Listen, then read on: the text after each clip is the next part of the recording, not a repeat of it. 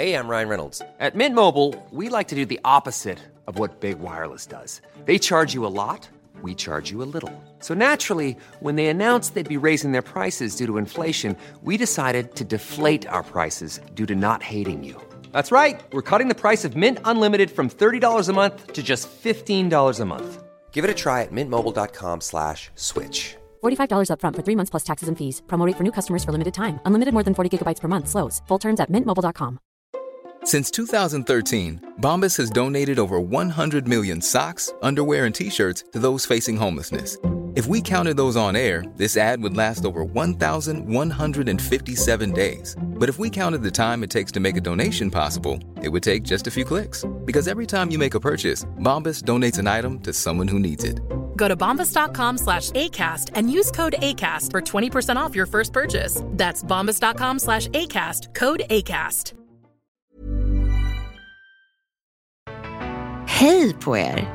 Visste du att den du är IRL behöver inte alls vara den du är digitalt?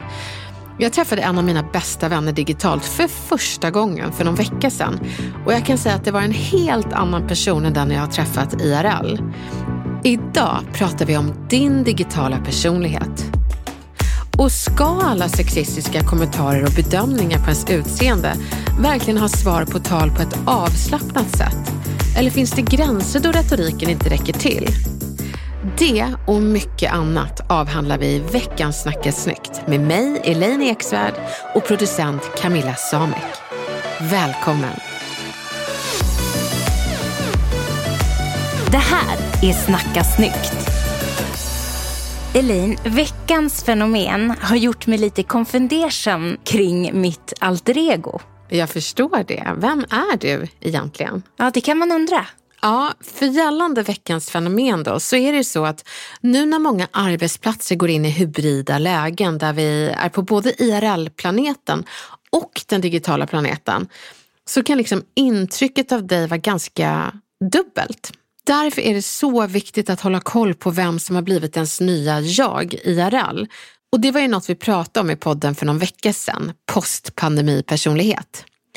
Och du kanske inte har förändrats speciellt mycket, eller så har du det och hittat ditt nya jag och är bekväm med att säga nej till kramar och inte vara sådär social som du var en gång i tiden.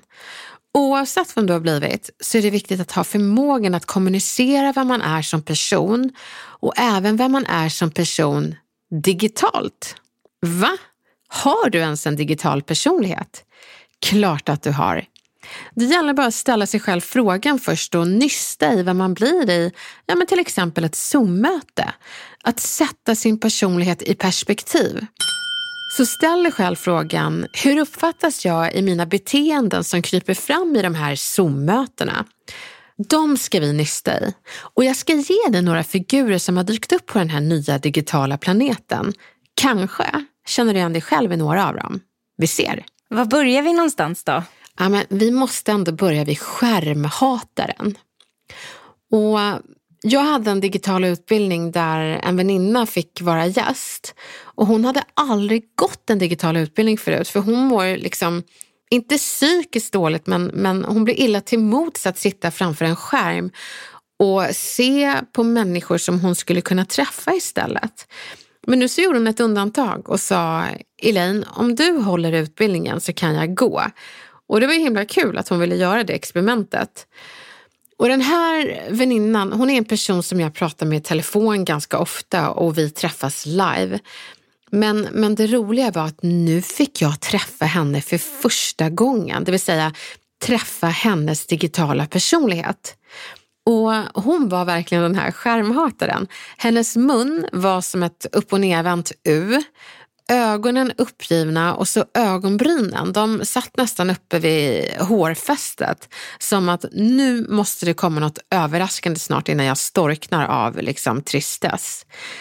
Det var, liksom, det var så tydligt att hon avskydde formen för mötet och inte oss människor i det.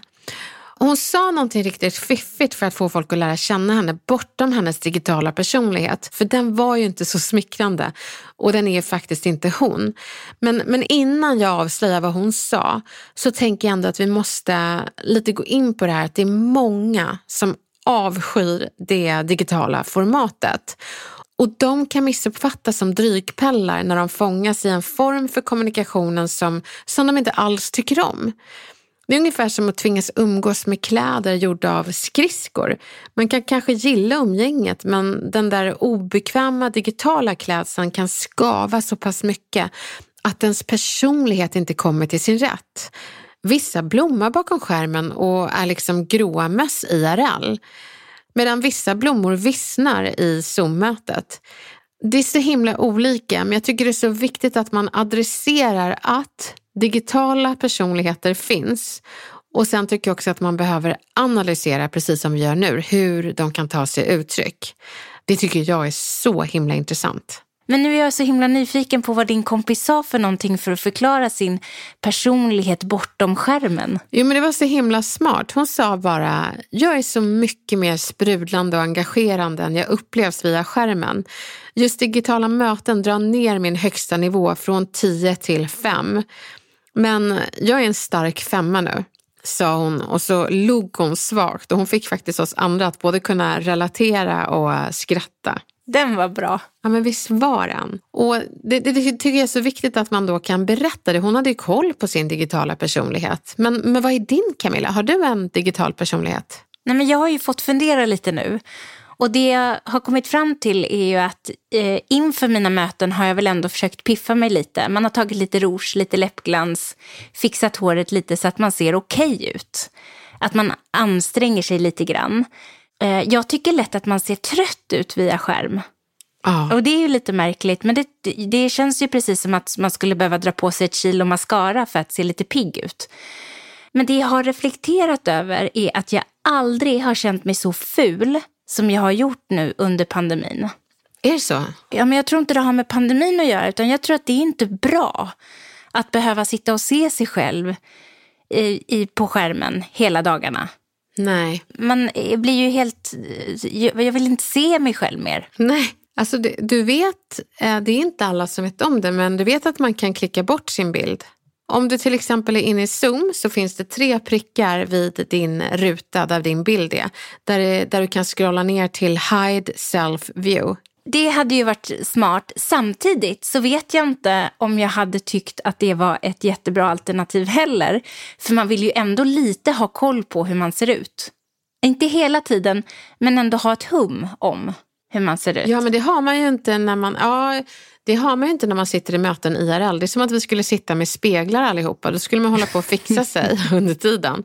Det kanske blir det nya. Ja, det kanske blir det nya. Att, ursäkta, kan, kan vi bara ha en spegel så att jag känner mig Zoom-hemma i det här mötet? Men jag tror väldigt många skulle må bra av att slippa se sig själva, liksom hide self-view. Sen så finns det vi självupptagna själva som tycker nej, det är så roligt att kunna se sitt eget nylle och uh, emellanåt så att man har koll på vad man visar. Det kan vara lätt att tro att man är osynlig när man inte ser sig själv. Det är lite klurigt det där. Ja, det är ju väldigt klurigt. Mm. Men sen är det också så här att som person IRL så pratar jag gärna med händerna. Det är ganska mycket kroppsspråk. Eh, och jag tycker om att man kan bolla saker och att man pratar, inte i mun på varandra, men att man liksom får göra ett inlägg här och var. Och i det digitala så tycker jag oftast, alltså det är inte så att man sitter och räcker upp handen, men att eh, ordet flyger inte på samma sätt. Nej. Och då blir jag trött och lite uttråkad. Och är det så att jag måste lyssna väldigt länge, då blir jag ju en sån här otrevlig multitaskare. Ah, men vet du, det tror jag så många känner igen sig i. Och jag tycker inte att det är multitaskerens fel alla gånger, utan väldigt få behärskar det digitala mötet och hur man engagerar folk i det. Man har för långa möten. Ehm, det ska vara högst 45 minuter åt gången, sen ska man ha 15 minuters skärmpaus. Det kan också vara att man överinbjuder och pratar om saker som inte är relevant för de som är med på mötet. Och då blir det också att man zoomar ut. Och jag tycker att man ska säga till folk att vara med så länge ni kan och hinner. Så, så du kan säga, hörni, jag behöver vika av här. Och att man skriver det i chatten istället för att man låtsas vara kvar. Det, så jag tänker att det inte är riktigt ditt fel. Men visst känner man sig som en ganska dålig människa när man multitaskar, Camilla? Nej, men det känns inte jättebra. Eh, gör det ju inte. Och samtidigt så har jag ju svårt att låta bli. Mm. Mm. Nej, men så på det stora hela, Elaine, så tror jag att jag har en rätt kass digital personlighet faktiskt. Men jag har också insett att jag är rätt bra när det bara är jag och en till. Ja, det är så. Då blir det riktigt bra. Jag, jag håller med. Jag tycker vi har jättebra digitala möten. Så jag känner ju inte igen den här Camilla som multitaskar. Nej, du har inte råkat ut för den än. Åh, gud vad skönt. Men hon finns där. Men nu är jag så himla nyfiken på dig, Elaine. Ja. Hur är du bakom skärmen? Ja, alltså jag har, jag har lite olika personligheter förstår du. Och eh, jag skulle säga det att eh, när jag föreläser och jobbar så är jag precis som jag är IRL.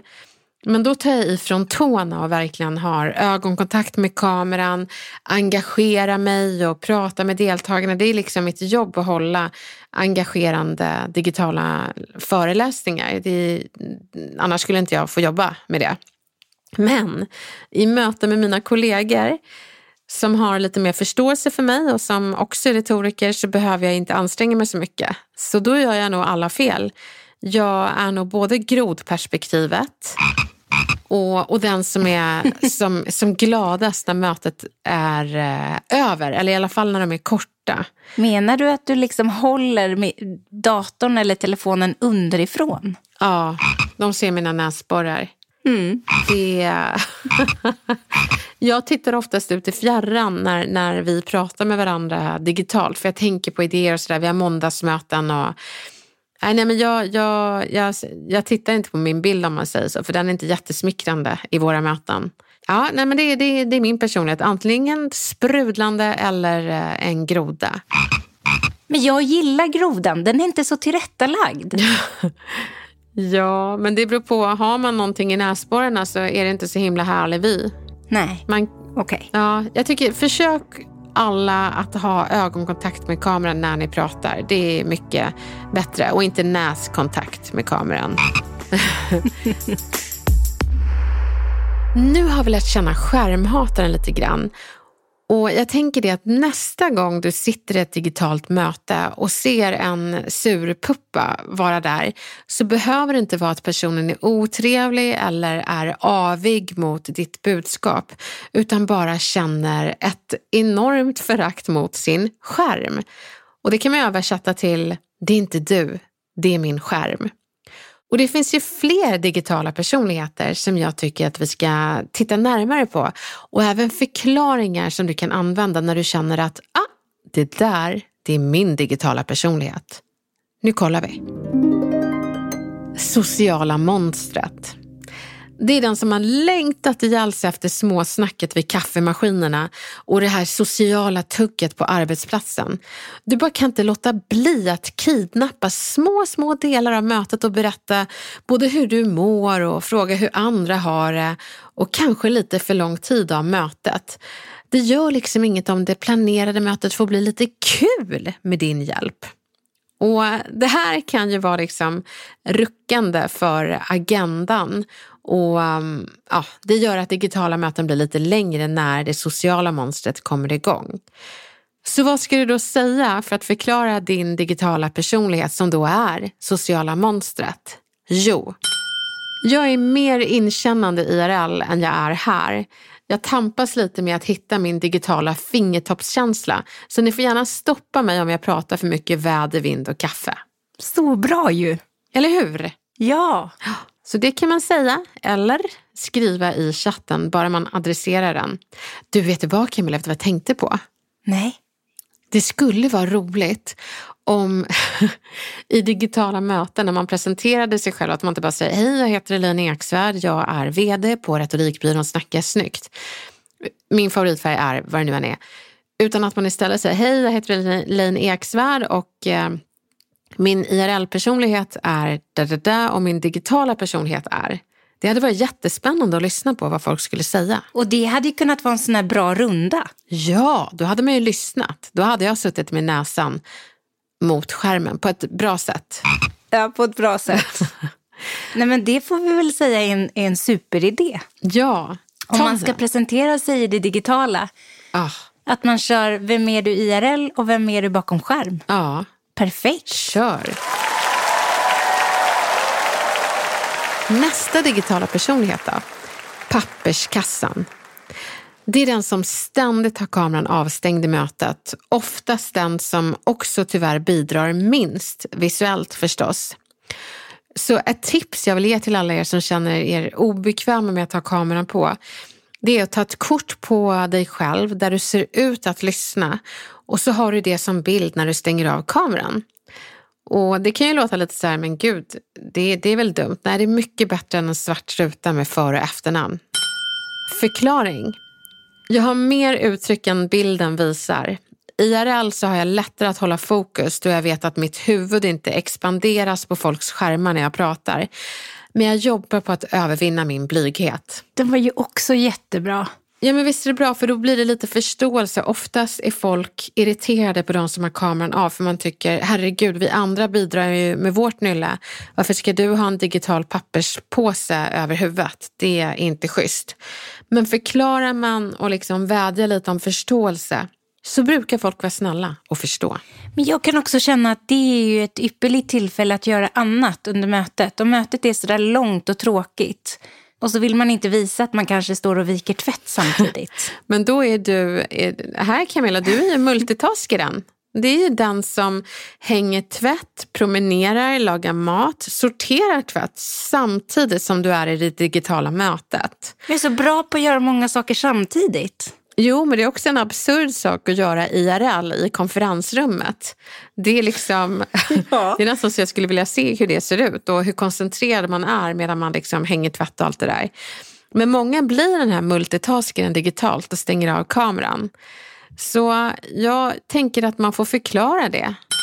Man säger det att jag är multitaskare på något sätt kan jag delta och göra saker samtidigt. Jag lovar att jag är fokuserad. Ja, men den är tagen. Ta den bara. Men du, Camilla, jag undrar om du är chattmästaren? Det är en annan digital personlighet. När vi får se. Det är den som håller liv i chatten parallellt med mötet.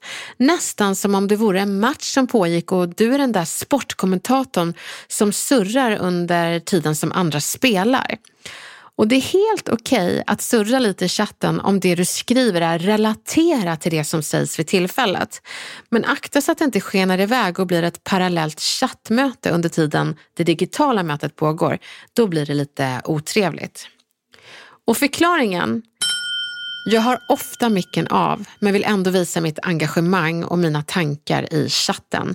Jag ser fram emot att läsa era också. Alltså jag älskar de här förklaringarna. Ja, vad bra. Vi har nästan hittat några så här digitala horoskop. Vem är du?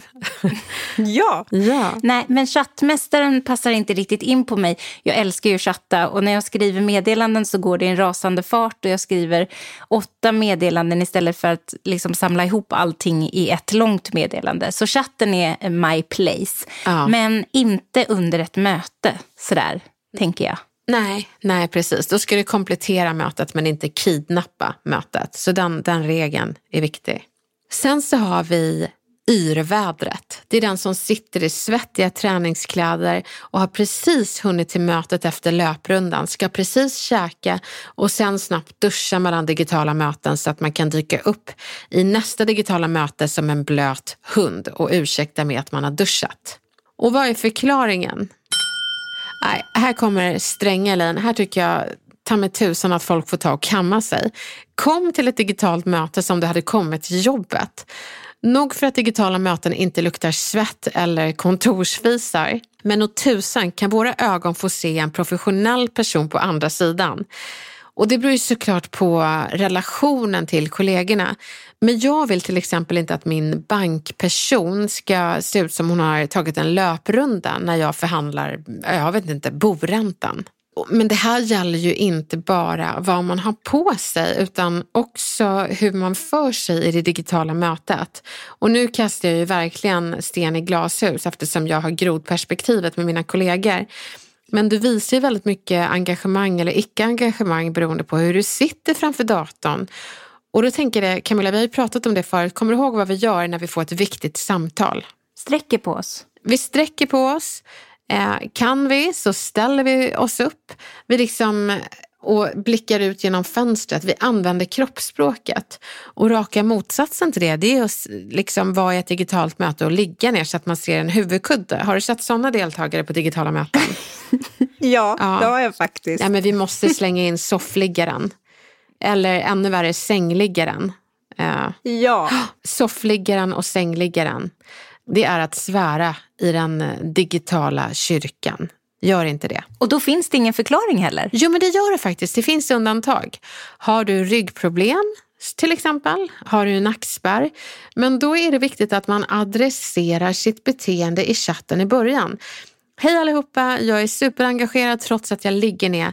Förklaringen till att jag ligger ner är att jag har nackspärr eller jag har ryggont. Jag ser fram emot att se er alla på mötet. Jag har en fis på tvären. Jag har en fis på tvären. Så jag sitter lite snett. Men var inte oroliga. Det här är digitalt. Allting har sin förklaring. Men man behöver ju inte förklara allt. Hej, jag har kameran stängd för att jag är hård i magen. Det, det, den, kan vi, den kan vi skippa. Många ursäkter man kommer se här framöver tror jag. Åh, oh, hemskt. Man skulle samla alla de här människorna som håller på så. Det finns säkert. Hur tar vi oss ur det här? Jag vet inte, men eh, det var allt om digitala personligheter. Oavsett vem du är digitalt så ställ dig själv frågan om det är så du vill uppfattas. Om du känner att nej, det är inte den här jag vill vara digitalt, så träna din kommunikation och bli den bästa retoriska digitala versionen av dig själv. Hela världen har en ganska låg medelnivå i det digitala. Det är de dåliga nyheterna. De goda nyheterna är att det går därför väldigt snabbt att avancera i höjd. Så sätt igång!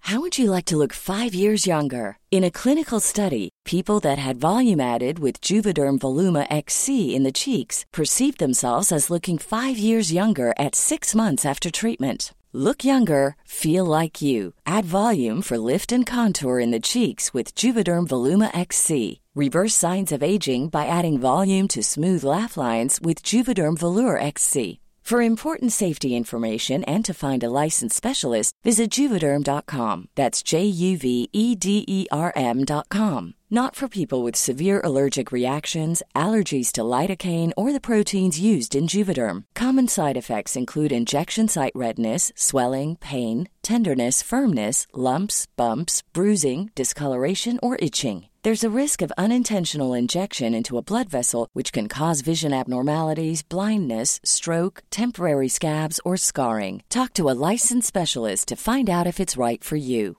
Hey, I'm Ryan Reynolds. Recently, I asked Mint Mobile's legal team if big wireless companies are allowed to raise prices due to inflation. They said yes. And then when I asked if raising prices technically violates those onerous two year contracts, they said, What the f are you talking about, you insane Hollywood ass? So to recap, we're cutting the price of Mint Unlimited from $30 a month to just $15 a month. Give it a try at mintmobile.com slash switch. $45 up front for three months plus taxes and fees. Promoting for new customers for limited time. Unlimited more than 40 gigabytes per month. Slows. Full terms at mintmobile.com. Här har du fått en kommunikationsknut, Elaine, som du ska få hjälpa till att eh, nysta i. Oh, berätta. Hej Elaine och Camilla, tack för en fantastisk podd. Jag har ett dilemma som säkert kan lösas med rätt retorik. Jag bor med en man och två barn i ett mycket barnvänligt och barntätt radhusområde. Ibland känns det som ett kollektiv och vissa barn ser vårt hem som en fritidsgård. Jag är jätteglad att mina barn har vänner som de leker med ofta, men ibland blir det för mycket. Vårt hus är inte superstort och en till tre kompisar beroende på hur vilda de är på besök är maxtaket. Så hur gör vi när ryktet går att barn X och barn Y är hemma och leker hos oss och barn Z och V knackar på dörren och vill in? Sen är det också så att vissa barn har vi gärna på besök medan andra är lite för vilda och helt enkelt inte skapta för möblerade rum. Det här får ni gärna ta upp i podden. Jag vore så tacksam för tips på vad man säger. Alltså Elin, jag älskar den här knuten. Jag med. För den är så svår. Nej men alltså, hur, hur skulle du göra? Jag är jättenyfiken. För du, vad, vad, vad gör du? Men jag kan ju inte säga nej. Eh, utan eh, det får ju i sådana fall bli att jag ljuger Ja. på något sätt. Att jag säger att men vi ska precis iväg på fotbollsträning eller att... Eh, alltså jag kan ju inte bara säga nej men tyvärr, nu leker A och B här inne och eh, då funkar det inte med C också. Nej. Nej. Det går ju inte. Och samtidigt så är det en relevant fråga. Om man inte har plats för fler än tre ungar Ja. och inte pallar med den här fritidsgården så måste man ju säga något ändå. Ja. Men Och då är retorikexperten Elaine Eksvärd. Nej, det är så obekvämt. För jag tänker så här, det här, vilken jädra knut. Vilken förälder har inte känt på den? För det finns ju, känner jag då som förälder, barn som inte går från ett rum till ett annat utan kör värsta parkourloppet över möblerna och välter både det ena och det andra. Men, men jag tänker att man får ju öppna dörren för alla barn om det ändå syns. För jag tänker mig in i ändå barnens situation. Om, om, om du och jag står där utanför huset Camilla och så ser vi att våra kompisar är där inne. Och um, det är inte kompisarna utan mamma och pappan som säger att du får inte komma in, huset är fullt. Blir inte det väldigt hemskt? Jo, och då är ju frågan vad man kan säga så att det inte blir hemskt. För någonstans måste du ju dra en gräns. Du kan ju inte ha tio ungar som kommer in och leker bara för att de ser att deras kompisar är där. Nej, men, men jag, jag kan ändå inte låta bli att ta barnperspektivet. Jag skulle antingen ge ett giltigt skäl, som att kanske minsta barnet sover och att ni alla får leka, men i så fall ute. Eftersom det blir så livat med så många barn inne samtidigt. Eller så sover inget barn och du som mamma kanske bara vill ha lite lugn och ro. Då tycker jag att man kan säga att du skickar ut de andra två kompisarna om en liten stund. Kan man inte göra så Camilla? Det är ju ett jättebra alternativ. Men så är det en sån här jätteregnig, ruskig dag där Kalle har två kompisar hemma och så knackar två till på. Oh, nej, jag kan ju inte. Ja, ja, då, då finns det den brasilianska varianten. Att man är som jag. Jag eh, har ju inte hjärta att lämna ett endaste barn utanför hemmet utan jag säger välkommen alltid. Även när jag inte kanske vill. Men då får de också brassemamman som, som inte är rädd för att artikulera reglerna. Så, så ungefär så här låter det hemma hos mig när det är fullt hus med barn. Då säger jag spring inte i trappan, hoppa inte i soffan, ni får skjuta med nerfpistolerna ute. Nu bryter ni reglerna. Så poängen är väl lite att mitt hus, mina regler. Hellre att jag säger till dem än att jag lämnar dem utanför. Så barn är så välkomna. Men, men nu är det så att mina regler bor i huset, så de är också välkomna. Och de reglerna kommer berättas. Jag tycker att man ska berätta det. Ja, berätta reglerna och bjuda in. Inget barn får hamna utanför. Eh, och hamnar de utanför, skicka ut de andra barnen och lek tillsammans. Och det här kanske inte riktigt var svaret du vill höra, men jag tänker ett till alternativ du kan ha, det är att man snackar ihop sig med föräldrarna och alternerar bördan så att barnen lite leker här och var. Och jag tycker ofta så, så har ju föräldrar känsla för det, att nej men idag får ni leka här, för nu har ni varit så mycket där. Och så kan man ringa föräldrarna och säga, hörni, ska de, ska de leka hos oss idag? Nu har de ju varit hos er tre dagar. Så jag tror att man behöver få ett sånt system Eh, att, att eh, rulla. Och kanske säga det till föräldrarna också. Vi tycker jättemycket om när eh, Alfons blev namnet nu, är här.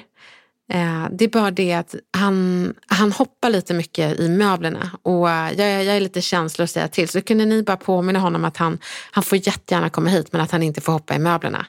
Kan ni påminna det? Barn är ju anpassningsbara, de förstår, okej, okay, här gäller det här. Och det, det handlar inte om att man är dum utan man bara berättar att eh, så här är det hos oss. Artikulera det istället för att bli den här konflikträdda föräldern som lider i tystnad. Ingen vuxen och inget barn tjänar på det, utan berätta och bjud in. Tack för att du skrev till oss och vilken bra fråga. Jag tror att det är så många som känner med dig. Jag hoppas verkligen att det går bra, att du hittar vägar att både sätta regler och känna frid när barnen kommer in. eller leker utanför. Nu är jag så spänd på veckans kommunikationsutmaning. Ja men gud, det är jag med, för den är så himla bra. Så här skriver en av våra lyssnare. Hej! Jag lyssnade nyss på ert poddavsnitt om konflikttyper och jag är definitivt en ghostare i kombination med samlare. Ni hade massor med bra tips på hur man hanterar en sån som mig. Men min fråga är, hur gör jag från mitt håll för att be om ursäkt för mitt beteende? Jag har till exempel ingen relation med mina syskon idag för jag tycker att de har betett sig illa. Men jag vet inte ens om om de vet att jag medvetet undviker dem eller om de bara tror att jag har fullt upp. Även om jag inte hoppas på en sprudlande relation så äter icke-relationen upp mig lite inifrån. Jag tror att jag skulle må bra av att rensa luften, men hur gör jag det på ett snyggt sätt? Som samlare har jag flera exempel där jag tycker att de har betett sig illa och jag vill inte bli raljerande och överösa dem med agg. Kanske något ni kan diskutera i podden framöver, just hur man löser konflikter ur det andra perspektivet. Och jag tänker att det är fler än jag som går omkring med den här typen av utmaning. Alltså det här, och gud, Nej men det här alltså tycker jag är så himla, för det första är jag så himla imponerad av dig som skickar in det här, vilken självreflektion. Att förstå att du är en ghostare och en, en eh, samlare. Och eh, jag tänker att för er som inte har hört avsnittet så ska ni få en snabb recap av vad det är. En ghostare är en person som försvinner vid konflikter. Man vet liksom inte riktigt vad det är men man anar att ghostaren är sur och man får inte heller chans att lösa det för ghostaren är ju spårlöst försvunnen, som ett spöke. En samlare däremot samlar misstag och tänker äsch, jag tar inte det här. Och tänker det så pass många gånger att den har så många skäl att vara sur. Det är bara ett litet problem, att den som har gjort fel vet inte om det. Så då går det inte att säga förlåt eller förstå det. Så till dig som skrev till oss. Jag tycker verkligen du ska kontakta dina syskon och berätta och förklara din tystnad. För det kan ju faktiskt vara ganska obehagligt på andra sidan att ana att någon är sur men inte veta varför. Det är faktiskt skäl att faktiskt säga, jag är ledsen att inte jag har sagt någonting. Jag borde kontaktat er innan och kanske gett er chans att förstå mitt beteende. Men jag vill verkligen förklara nu om ni orkar lyssna det gör enormt mycket och jag måste bara säga det att jag är så imponerad av att du har kommit till den här självinsikten. Så jag tycker att du ska säga någonting i stil med att du berättar om hur du har betett dig, det vill säga tyst. Men sen berättar du också hur du skulle vilja vara framöver. Det vill säga en sån där syster som de kan höra av sig till och vice versa.